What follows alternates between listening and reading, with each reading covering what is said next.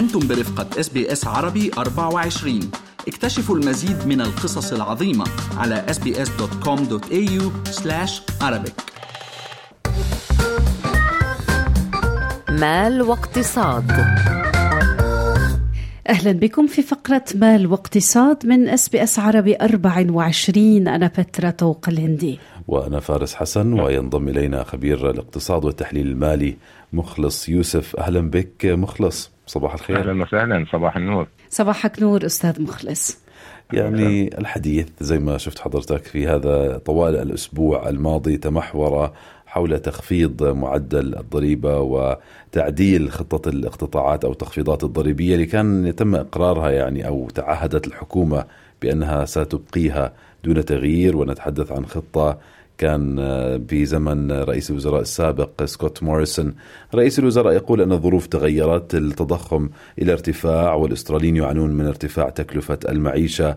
بداية مخلص يعني شو رأيك بالتعديلات المقترحة بشكل عام قبل أن نخوض في التفاصيل؟ صراحة أنه هذه التخفيضات هي مبادرة نوعا ما جيدة لأصحاب الدخل العليا. بس أصحاب الدخل يعني لغاية 45 ألف دولار من الصعب أنه يقدرون يوفرون تكاليف المعيشة الباهظة واللي هي بشكل غير متناسب يعني رغم الظروف الاقتصادية الحالية ودافعية الضرائب من الدخل المنخفض والمتوسط يعتبر التعديل وسيلة لتوفير إغاثة مالية إضافية للعائلات العاملة. فكثير من الأمور الجادة لتغطية هذه النفقات مثل القروض العقارية وتكاليف الطعام والوقود يبدو أن نظام الضريبة الدخل الحالي هو يعني ما بين 18200 دولار سنويا من الأرباح غير خاضعة للضريبة أي هي threshold 18200 ضمن ال threshold. والحد المعفي من الضرائب ثم هناك أربع فئات ضريبيه ضريبية. يدفع الأفراد ضريبة بنسبة 19% على الأرباح ما بين 18201 إلى 45000 وأيضا 32.5%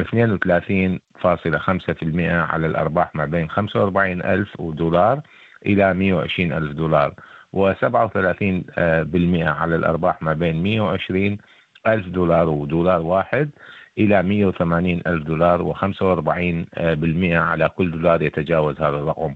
هذا ما كنا عليه في السابق في يعني جدول الضرب الضريبة لعام 23 24 ضمن نطاق هذا الدخل ونسبة الضريبة التراكمية تحاسب على هذا النحو والضريبة المستحقة من أهم التغييرات الذي قدمها رئيس الوزراء أنتوني ألبانيزي تخفيضات الضرائب في المرحلة الثالثة الجديدة وهذا ما جاء في خطابه الذي ألقاه أمام النادي الوطني للصحافة الأسبوع الماضي ويوم أمس وتشمل السمات الرئيسية.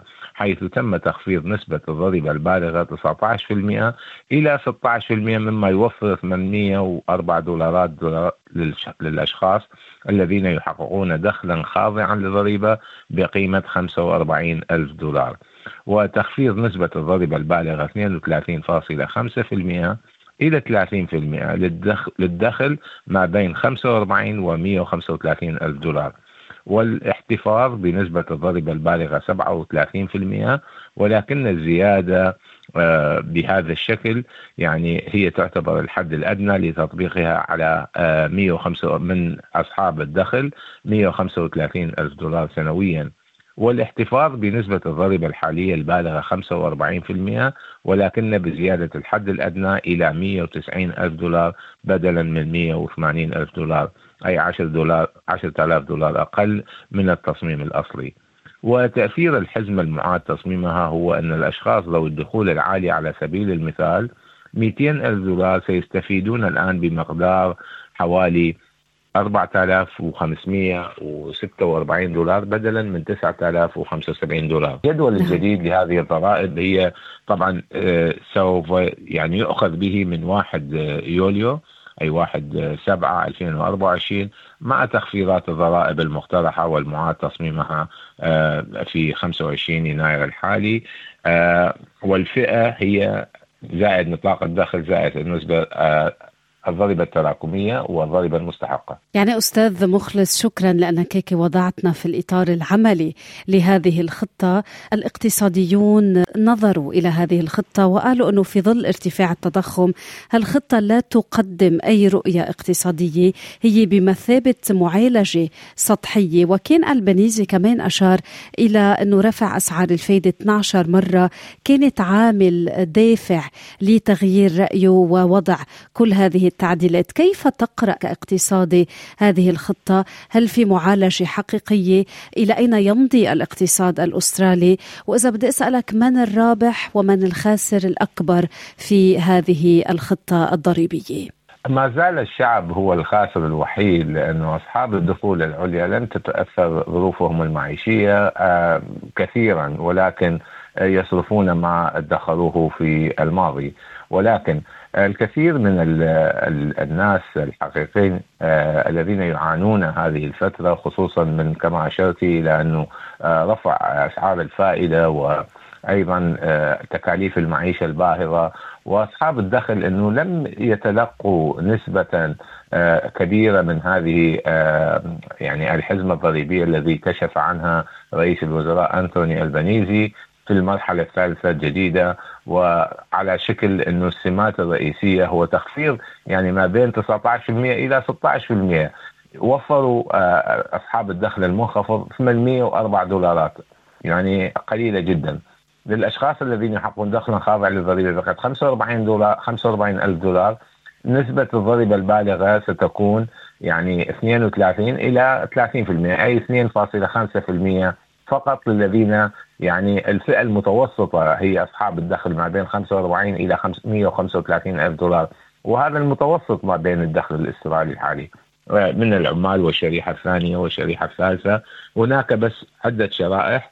آه، تأخذ آه، بمقدار يعني ما فوق ال 135 ألف دولار على أشخاص معينين أصحاب الشهادات العليا وتصل إلى 190 ألف دولار.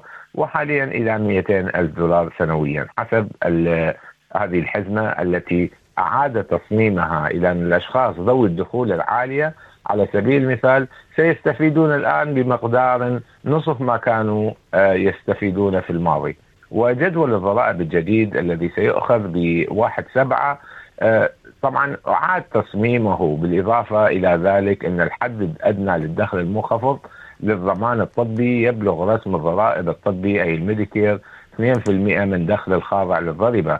ولكن لا يتم دفعها من قبل الأشخاص ذوي الدخول المنخفضة يعفى منها الحد الحالي. الأفراد الذين يكسبون 24 آه، دولار 276 أو أقل من دفع رسوم ضرائب الطبية أي ال Medicare.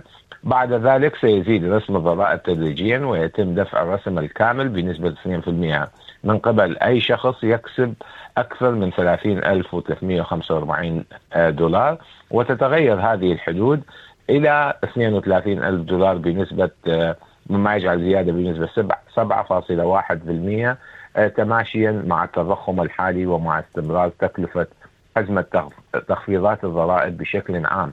كما هو الآن معلن يعني أن ذلك توفيرات الضرائب تم توزيعها على نطاق أوسع بكثير حيث يتم تركيزها الآن على دافعي الضرائب ذوي الدخول المنخفضة والمتوسطة. آه، وهذا نوعا ما يعني يعطي لأصحاب هذه الدخول آه، بعض التطمينات أو بعض آه، المصاريف الزايدة اللي ممكن يستخدموا هذه الأموال بدفعها بسبب تكاليف المعيشة وما يعانون به من يعني من كثرة ارتفاع أسعار الفائدة. هناك كثيرين يعني أقل من 5% ممن يكسبون أكثر من 180 ألف دولار سنويا. نعم شكرا جزيلا على تفنيد بنود الخطة المعدلة أو المنقحة لخطة التخفيضات الضريبية. شكرا جزيلا لك خبير الاقتصاد مخلص يوسف على أمل أن نلتقي الأسبوع المقبل.